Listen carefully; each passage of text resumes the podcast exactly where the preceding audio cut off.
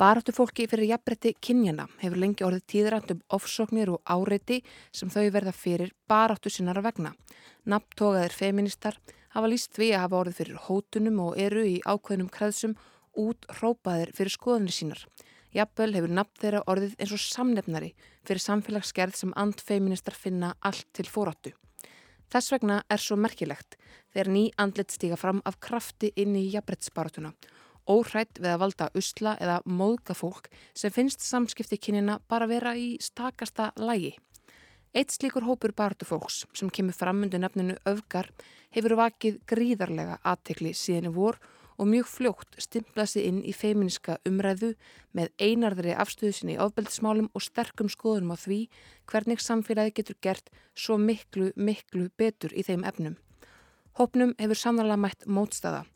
Meðal annars hafa meðlemið hans verið nafngreindir af Sigurði G. Guðjónssoni lögmanni hér í bæ á löngum lista hans af konum sem honum þykir beita ofbeldið með þáttöku sinni í umræðinni.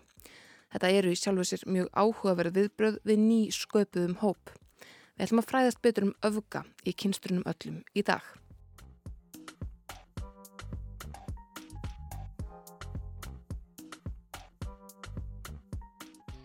Gestur þáttarins er Óluf Tara Harðardóttir, enga þjálfari og meðlumur auka. Hún vakti aðtekli verið vasklega framgöngu sína í viðtalstætti Kveiks hér á Rúf þar sem bröðust árið viðtalið þáttarins við Þóri Sæmundsson leikara. Velkomin Óluf. Takk fyrir. Þú stegst af fítón krafti inn í jafnbrettis umræðuna í vor í tengslu við mál Sölva Tryggvasonar. Sko hvað kom til að þú komst inn í þessa umræðu bara eitthvað neginn fullskapaðu feministi?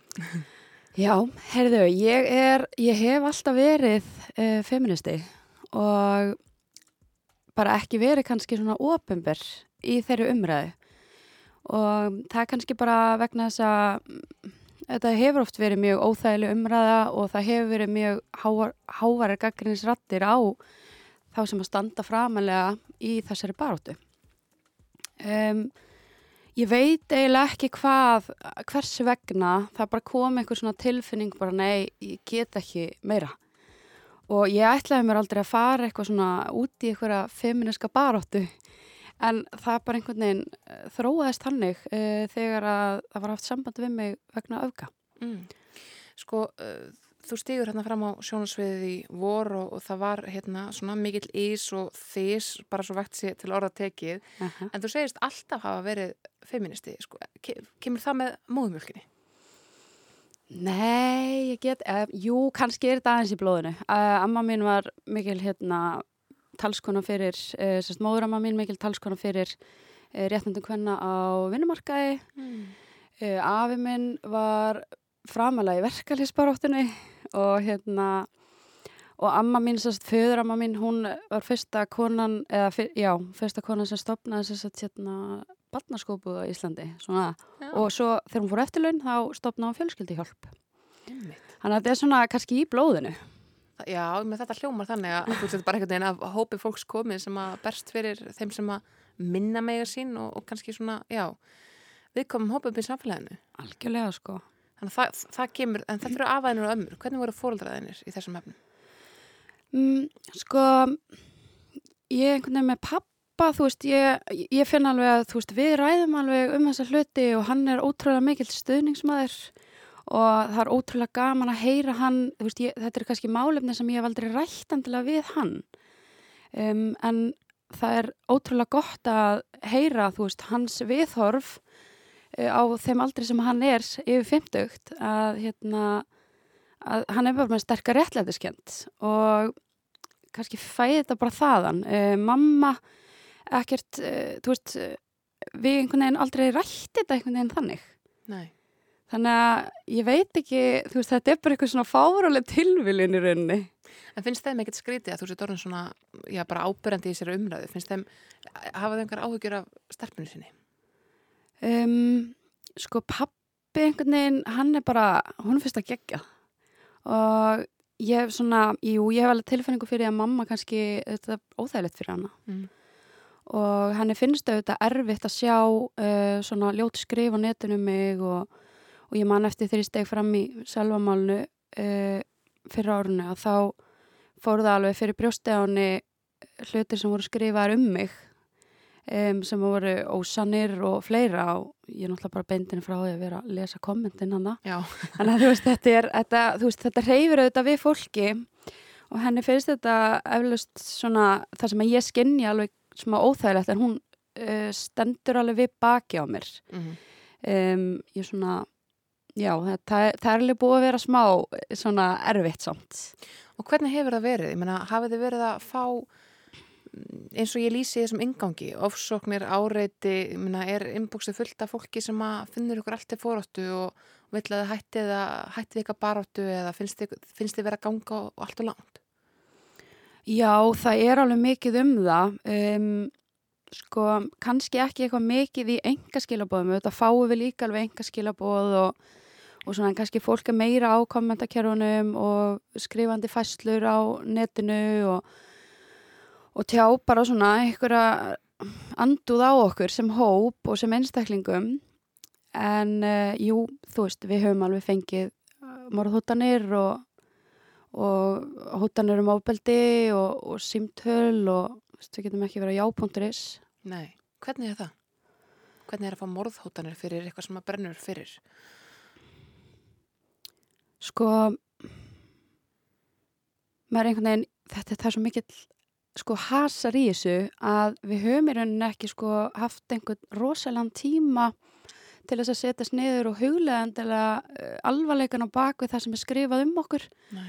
og við svona, já, okkur, þú veist, við erum ekkert að dvelja neitt mikið við þetta. Við erum bara svolítið svona áfram gakkhópur, sko. Og hérna, og við vitum og höfum séð að þetta er ákveðin fórnarkostnaður í þessari baróttu að okkur sé stilt upp eins og við séum klikkaðar og rugglaðar. Mm -hmm. og okkur er stilt upp sem óbeldiskonum og okkur er, veist, gerð upp orð og skoðanir og, og hvað eina uh, og hlutinir svona teknir úr algjöru samengi, uh, hvort sem það er viljandi eða ekki. Og ég átti mitt samtal uh, það var hringt í mig eftir kveikstáttin og mér var tjá það að þetta hefði verið mjög gott fyrir ímynd öfga vegna þess að þarna bara hefði ég verið málefnaleg og skýr og, og ég spurði manneskjuna hvar höfum við verið ómálefnalegar Mm. við mætum alltaf yfirvegar vel undirbúnar, málefnalegar í öll viðtöl og við sátum til dæmis á viðtali út af sögu alveg tryggirar, þvílikt fengum erfiða spurningar en um, við svöruðum vel og við svöruðum málefnalega og við fengum gaggrinni fyrir að vera á glaðar mm. Að því vorum að tala um svo alvarlegt málefni Já, einmitt. þú veist, það er einhvern veginn, það er pikkað allt út Já, ekkert má lengur. nei, nei. Einmitt. Uh, en þú varst mjög málefnilega í þessum kveikstætti svo það sé sagt, ég meina þú komst mjög vel fyrir en þú varst auðvitað að koma í fyrsta skipti í sjónvarp í þessari umræðu uh, sast þarna til borðs með uh, já, mjög nafntókuðum feminista, Sóliðu Tómasdóttur sem að hefur sannarlega fengið um áratuga skeið sinn skerf af yfirdrulli svo það sé bara Já. orðað mannamáli uh, hve- hvernig var það? Var þetta næstu eitthvað svona kynslaðskipti í afriðsbaratunni? Hvernig hefur samstæðan verið með öðrum, uh, já, feministum sem hafa kannski verið sko átt sviði lengur þegar þau öfgar stíði fram? við erum búin að fá ótrúlega góðan stuðning og það bara stuðningurinn innan feminista og þeirra sem eru búin að vera lengi í þessari baróttu er eiginlega ólýsanlega góður Mm -hmm. og það gerir svo ótrúlega mikið fyrir okkur og það er svo gott að við getum leitað til þeirra sem hafa ótrúlega mikla reynslu og, og fá bara leiðbynningar og aðstóð og þú veist, bara eins og að sitja með sólei þarna, þa- fyrir mig var það rosa súrjalist, ég bara vá, ég sitja þetta með sólei Tómasdóttur þú veist, bara þvílik negla sem konan er og þú veist, það er bara það er bara dásamlegt sko. Og það Mhm. var ótrúlega, þú veist, þó að ég hef ekki verið ána með þáttinn og ég var ekki ána með uppsetninguna, ég var ekki ána með rittstýringuna að þá var ég ótrúlega ánað að fá að sitja þarna með svona flottu fólki Einmitt. Og bara fá að vera, eh, já, bara fullkomlega jafngild fræðimönnum í þessum bransa. Algjörlega, Þú ert, uh, ég meina þú starfar sem engaþjálfari. Já. Þú, heilsugerin er svona þitt fortei. algjörlega Hefur alltaf ætlaði þá átt? Hefur alltaf verið íþjóttastelpa? Já, ég hef alltaf verið íþróttastelpa. Ég uh, æfði fimmleika í 15 ár og svo bara datt ég svolítið út af því og fór í dans og svo svona var ég búin að vera klíma við nýjameðsli í svolítið langan tíma. Þannig ég svona datt út úr hreyfingu. Svo byrjaði ég 2012, þá byrjaði ég að vinna í vörglas, þá var ég ekkert búin að vera að hreyfa með neitt í svolítið tíma og þá kom svona áhugin fyrir hreyfingu aftur. Mm.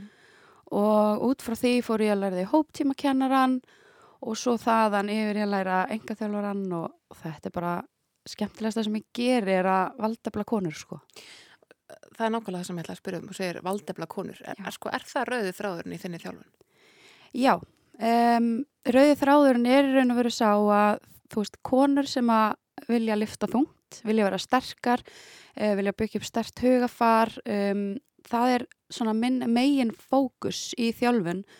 Um, það er engar kröfur á að þú þurfur að léttast eða líta ákveð út, bara eða fyrst gaman lifta, gaman að vera sterk, gaman að augra þér, fara út fyrir þægindaramann og leggja inn vinnu fyrir hugafarsvinnu uh, og bara hugað andlir hilsu líka sko.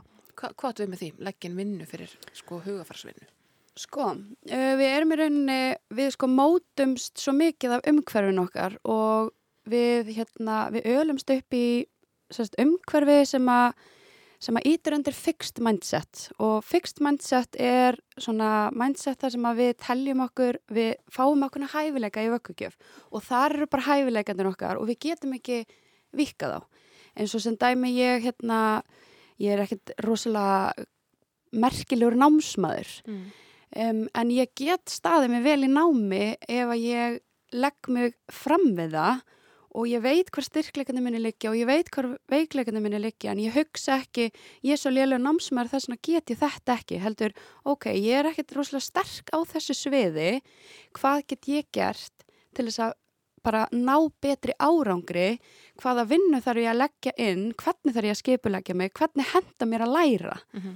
og þetta eru svona þessar fyrirfram gefnu hugmyndir um hver við erum sem manneskjur og ef við förum úr þessu fixed mindseti yfir í growth mindset þar sem við náum að vaksa sem einstaklingar og við erum óhrættu að fara fyrir þægindraman, óhrættu að gera það sem er óþægilegt og gera eitthvað sem við erum léleg í og leifa okkur að feila Mm -hmm.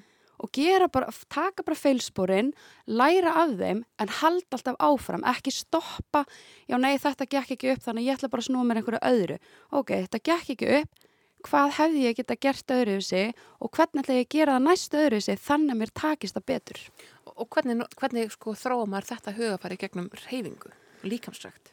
Já, það er mjög áhugavert. Um, sko, um, ég er náttúrulega með í, í Alpha Girls, þá er ég með sko fræðslu efni um hugafar. Mm. Veist, þá færðu fræðslu um hvað er fixed mindset, hvað er growth mindset, eh, hvernig hefur umhverfi áhrif á þig og hvernig við getum sem einstaklingar vaksið og, vaxið og þroskast.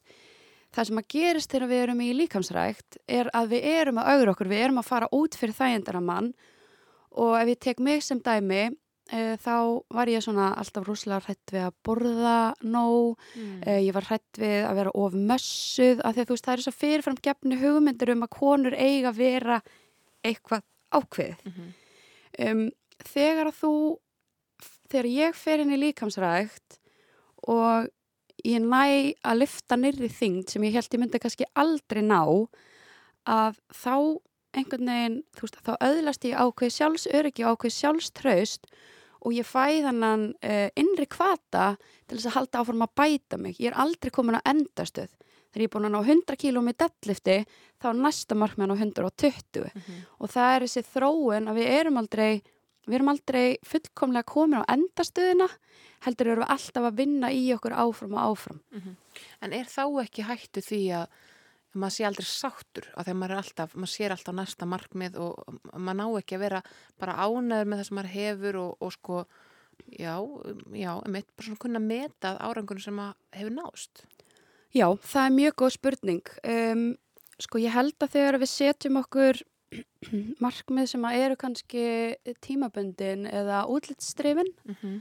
að þá kannski eigum við á hættu að detta í þetta að, að, hérna, að þurfa að gera betur eða vera ekki nógu ánægð.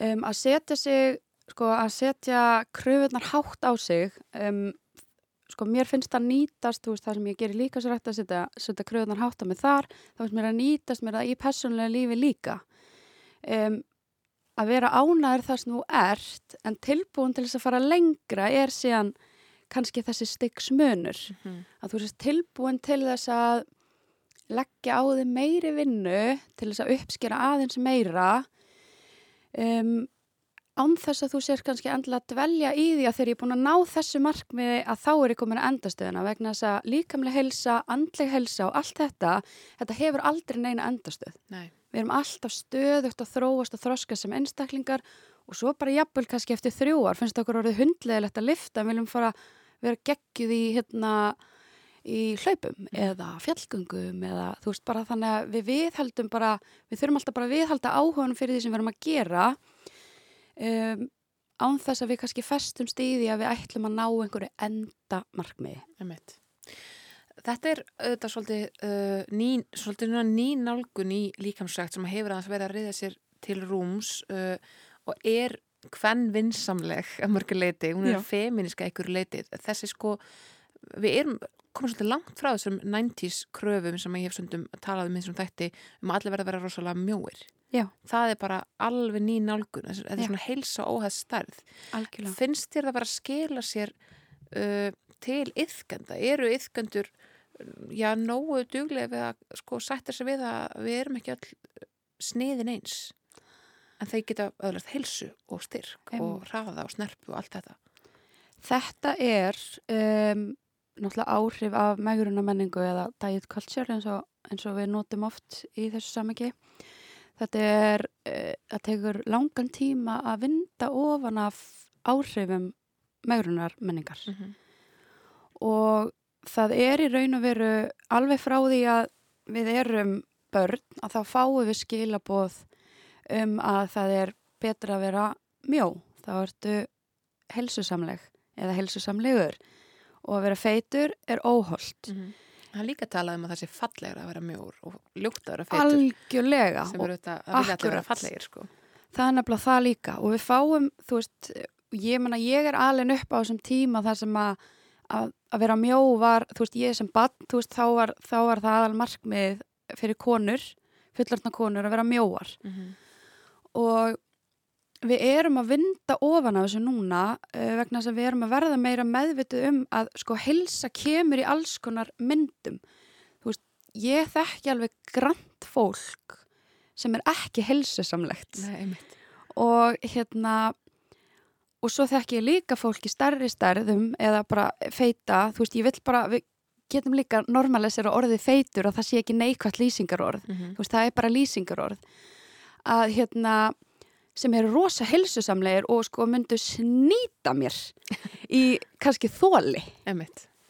þannig að, Já, þannig að það er, er möguleiki.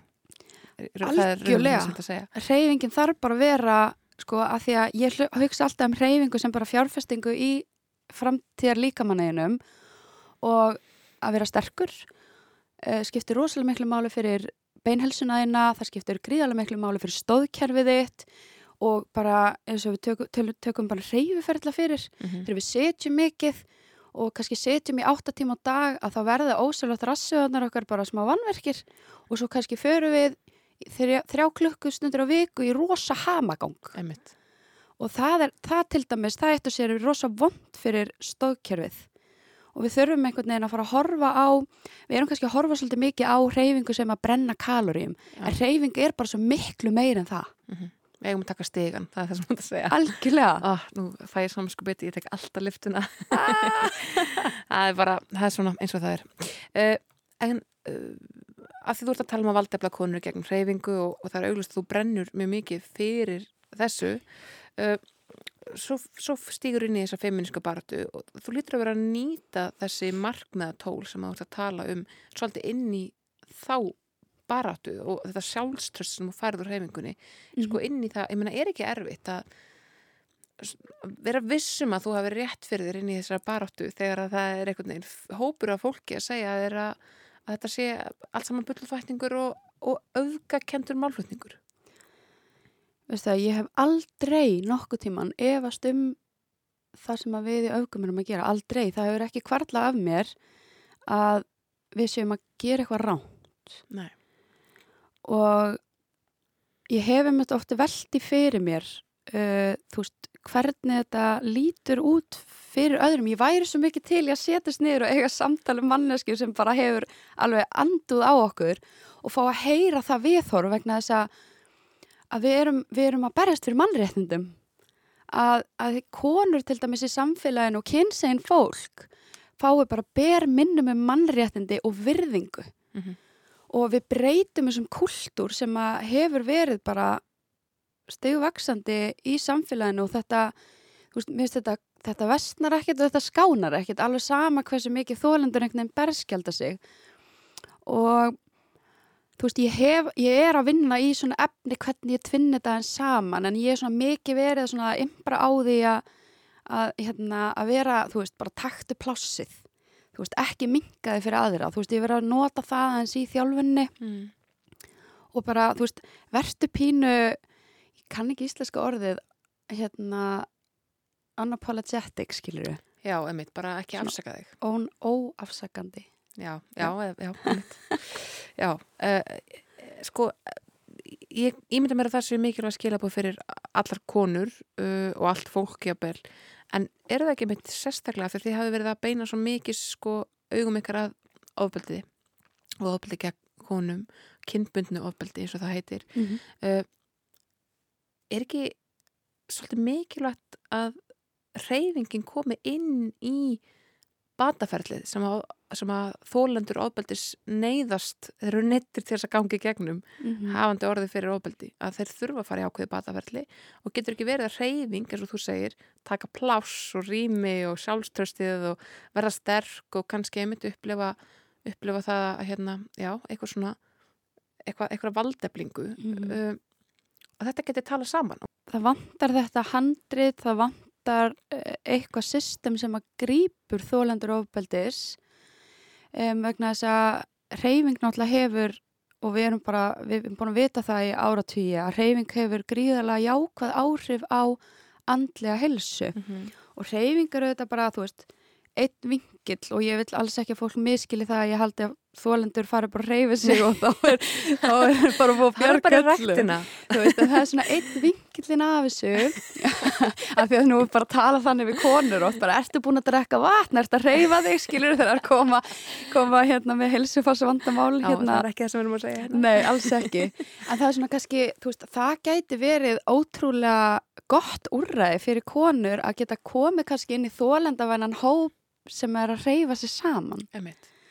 og þetta er náttúrulega bara geggi hugmynd sko og ég held að þetta sé mjög mikilvægt vegna þess að við þólendur við, við stólum mikið á bara hvort annað Mm -hmm. og við hérna, finnum styrki í hvort öðru og, og þetta er kannski bara svona eitt vingilinn að það væri einhvers konar endurhæfing fyrir þólendur og ofbeldis hvernig þeir komast bara aftur inn í bara reyfa sig vegna Mm. þess að þegar við verðum fyrir áföllum og þegar okkur líður illa að þá náttúrulega uh, detta niður þú veist, þá hugsaum við ekki jafn vel um grunnþarfinnar okkar sem er náttúrulega sveppreyfing og næring. Þetta eru mikilvægastu grunnþarfinnar okkar og við sinnum þeim ekkert alltaf nógu vel. og líkamsrættar stöðvar og sérstaklega liftingasalur geta verið mjög svona maskjulin umhverfi sem að já, kvenkins þólundum eða þólundum ábeldi sem að hafa orðið frá ábeldi af hendi kalla geta upplifað mjög tryggarandi og neikvæða Mjög. Og nú er ég alveg svarað þessum köllum fullum hálsi sko. En það er ekkit endilega að allir eh, leggji í það að hérna, setja ákveðin mörg. mm -hmm. Og það er alveg bara sér umræða fyrir sig hva, hvað þetta er svona toxic umhverfi. Og hvað þetta er hérna, hvað konur eru kyngerðar mikið inn í líkamsrættasal og hlutgerðar og bara svona það er rosalega mikið svona karlmennsku entitlement inn í líkansrættasal finnst þeir eiga meira tilkall til þess að vera í nepiður ekkanum því að þeir eru að taka 100 kíló í nepu en þú kannski bara 60 Já, einmitt, þeir eru að taka þingra heldur um konuna Já, Já, er það ekki? Er ekki, eh, sko, þeir eru alltaf fyrirferðar miklar í svona með þessum afkýma. Konar er að freka bara að vera á hjólinu eða, eða stígvélinni og það er svolítið svona, það getur verið, sérstaklega ákveðum líkamsrættastöðum að þess að ég nefni þess að til hann nafn, svolítið svona há kynferðslega orka. Mjög, mjög og ég menna ég finn það alveg sjálfa, ég, nú er ég bara án við þessu umhverfi, bara að vera í þessu umhverfi í það langan tíma. Að hérna, að þú veist, þetta er náttúrulega, þetta, það þarf náttúrulega bara að grípa inn í þetta og það, sko, þetta er náttúrulega bara hluti, eins og ég sagði, eftir hluti af þessu karla entitlementi að hérna, eiga herbyggi og svo eru kannski nokkri saman og það er eitthvað svona, svona hérna, kallastælar í gangi og svona kalla orka eins og ég hef talað um á Twitter. Mm -hmm. og hérna og það þyrfti kannski bara að vera að mínu mati meiri svona bara umgengnisreglur. Þú veist bara ef þú ert að taka myndir af rössunum á stelpum þá bara þá bara loka vinnur. kortinu skilur. Það er auðvitað, að þetta er enda mjög áhugaverð, hérna, áhugaverð umræða sem ég bjóst ekkert endilega við að við færum úti í þessum þætti en, en er áhugaverð út frá hreinlega heilsukvenna, ekki endilega sko þólenda vinklinum, heldur bara Mhm. konum yfir höfuð í líkamsræktastöðum mm -hmm. af því að uh, mm, svona uh, hugmyndir um kynþokkafullar konur og hvenar konur eru kynþokkafullar Já. fara ekkert endilega saman við það að taka ákveðnar ákveðnar styrkæfingar en ef að það er búið að setja mann í þá stöðu að það er kannski einhver gæi að fylgjast með manni eða það er eitthvað svona Mhm. eins og ég nefndi hann kynferðislega orka í, veist, þá getur það komið niður að bara hennilega að konur taki æfingarnir sína rétt eða hvað Já, ég meina ég er, hef þetta, er þetta, er ég á algjörum villigutum minna? Nei, þetta er alveg rétt hjá þér. Um, þetta er, sko, ef við tö- tölum um bara kannski til dæmis að rassablætið sem Já. að er í gangi núna, að hérna, þú veist, eh, ég er að sjá konur taka hnepir til dæmis kolvittlust svo að rassin sé sexy. einmitt, svona sé flottur í ræktinni Já. Og, og það rústa sér bakinu já, fyrir það algjörlega. Og eru mjög kannski bara meðvitaðar líka um umhverfu sitt og meðvitaðar um, þú veist, að þarna eru kallar að glápa og þetta er óþægileg orka, hún er mjög óþægileg og þetta getur líka alveg tekið mann og jafnvægi. Mm -hmm. og þú kannski jafnvel klárar ekki æfinguna þeina eða þú bara þú veist, þér líður allt ínum bara orðið óþægilega því einhver stendur yfir þér eða, eða það er kannski þrýr strákar saman að horfa og, og svo er náttúrulega þetta líka þú veist að að vera að taka upp myndbönd og svona skiluru þá er verið að, þú veist, bara því að hnepið er svo ótrúlega klassist dæmi um þetta þú veist að þú þarft að klára mjadmennar í náttúral stöðu Mm -hmm. en stelpur eru að láta rassin stinga svona út, þú veist, þannig að hann eh, svona lítur út fyrir að vera meira svona juicy, þú veist, og það er svona að vera að finna vinklana og allt þetta, sko. Já. þetta er trublandi orka inn í rými sem á alferð að snúast um heilsurækt Algjörlega og mjög bara, þú veist, ég hef alveg verið að pæla í þessu núna undafarið út frá því að, þú veist, ég heyri eins og Karla Orku tvíti mín, það eru ótrúlega margir sem að hérna, finna fyrir nákvæmlega sama viðmóti og síst ekki aðrir karlmenn mm. sem að eru uh, ekki með þessa kalla orku og það er svona, þú veist, eins og grannir karlmenn eru, eru ekki jafn miklu töffarar og mössu karlmenninir og það er svona og svona ákveðin svona goggunaröð skrítið, þú veist, Mm. þetta er eitthvað svona goggunaröð sem við sjáum ekki. inn í líftingasalnum Já, og inn í líkamsrættastöðinni já. heldur það að segja að gera eitthvað í þessari uh, orku heldur það að þetta að lámarkana með einhverjum hætti og tryggja allir hafi sett pláss og bara hreinlega líði vel því að það hefur auðvitað stundu verið að tala um það einmitt feitu fólki finnst óþælt að fara í líkamsrækt og þar með komin einhvers konar vítarringur Mhm. um að það sé ekki að það halda heilsu og svo framvegis Ég held að líkamsverðingarheyfingin komir rosalega stert þarna inn vegna þess að við eigum öll rétt á að hreyfa okkur. Við eigum öll rétt og við eigum öll erindin í líkasrættasal hvort sem við komum til þess að lappa hlaupabrettinu, hvort við séum mjó, mössuð eða feit, við eigum öll heima þarna og við þurfum að sko, ég held að, ég held að eh, eina leiðin til að tækla þetta er að opna umræðinu um þetta mm -hmm. og hérna og hægt að tollera þessa orku Mhm. og þessa hegðun og, og hérna, og líkasrættastöður jafnvel myndi bara einhverju svona ákveðna hérna, ákveði verkla í kringum fólk sem að haga þessu svona. Ég til dæmis lendi manni sem var bara rópað í áttina mér marga mánu að því að hann var eitthvað móðgæður út í mig. Það er ógeðslegt. Það er ógeðslegt og hann gerði þetta í marga mánu, það var ekki fyrir hann að annar kallmaður stoppa hann af. Og sagði bara, heyrðu, Hvað er þetta að gera? Veist, og hann gerði þetta bara ef hann lappaði fram hjá mér eða ég fram hjá honum, gerði hann þetta í marga mánuði og ég bara, wow, litla consistency eða nenna þessu Einmitt. Já, hérna. Já, En ok, ef við hérna snúum okkur að umræðinu um ofbeldi aftur og, og það hefur mjög mörgum verið tíðrætt um að hér sé útlökuna menning í gangi, það sé menn sem að brjóti af sér með einum öðrum, það hæ- hætti hvort sem það er siðferðslega eða lagalega eigi ekki afturkvæmt í samfélagið þetta sé allt saman einhvern veginn svona, já, bara það sé verið að hérna, ganga frá mönnum á internetinu. Eh, lítur þetta svona út fyrir þér? Líður eins og, eins og gerendur geti já, ekki búið hönd fyrir höfuð sér? Sko, ef við tökum til dæmis bara þetta ár, nú hafa spjótin kannski beinst meira að valda miklu mönnum sem hafa ákveðin status í samfélaginu okkar. Og þeir hafa allt samfélag á bak, baku sig. Mhm. Þeir gefa bara út yfirlýsing og segja nei, ég ger þetta ekki. Og allt samfélagið og grátkórin tekur undir það og þá myndast þessir yktu báðu pólar, þú veist, við sem stöndum með þólandum og þólandur og svo gerandamæðurkir og gerendur. mm -hmm. Þessir menn fá fullan stöðning og það er frekar og við höfum séð allt í gegnum bara ára ræðir að þólandum er kanselað miklu frekar og þeir sem standa í baráttunni. Mhm. og, og þú veist, sko við þurfum bara að fara að beina spjótum okkar að raunverulega vandanum sem að er náttúrulega, það eru allt og margir sem að beita ofbeldi, við erum allt og marga gerundur við erum allt og marga þólendur í samfélaginu. Við erum með broti réttakerfi sem að grípur ekki þólendur og þetta er bæði óbáðalegt fyrir gerundur og þólendur því að við, ef við ætlum að skapa samfélag þar sem að gerundur axla ábyrð að þá þurfum við pínulítið að fara að mæta þessari kröfum að breyta réttakerfinu, við þurfum að mæta þeim kröfum, við þurfum að fá frekari fræðslu inn í yngri grunnskólastig. Og við þurfum að hætta að sko taka svona þú veist, engin þólandi gerir sér það að leik að stíga fram ofinberlega og saka einhvern um ofbeldi, það En- gerir það engin Nei.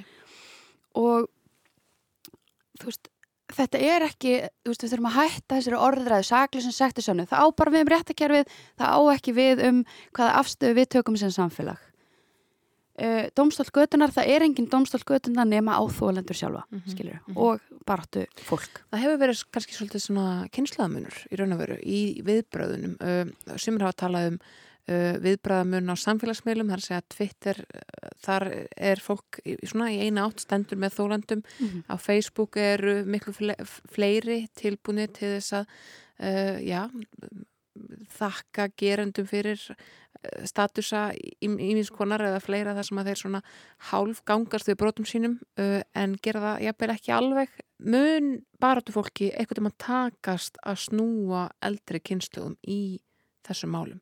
Mun gera það með virkni eldri kynsluðana sem að sjá uh, já, líta svo á að hér sé bara stíði fram eitthvað ungt fólk sem að ætla sér að ná, ná sér niður á blásaklusum mönnum uh, mun það eitthvað mann skipta um skoðun og, og horfa á hlutina sko, eins og þið öfgum horfið á það Ég heldur kannski nái aldrei nákvæmlega þeim stað en kannski, þú veist, ég hef alveg vonum það að við getum farið að horfast í augu við þennan samfélagslega vanda og við sem samfélag við hljótum að gera þá lámas kröfu að við séum ekki að brjóta á mannréttundum fólks mm.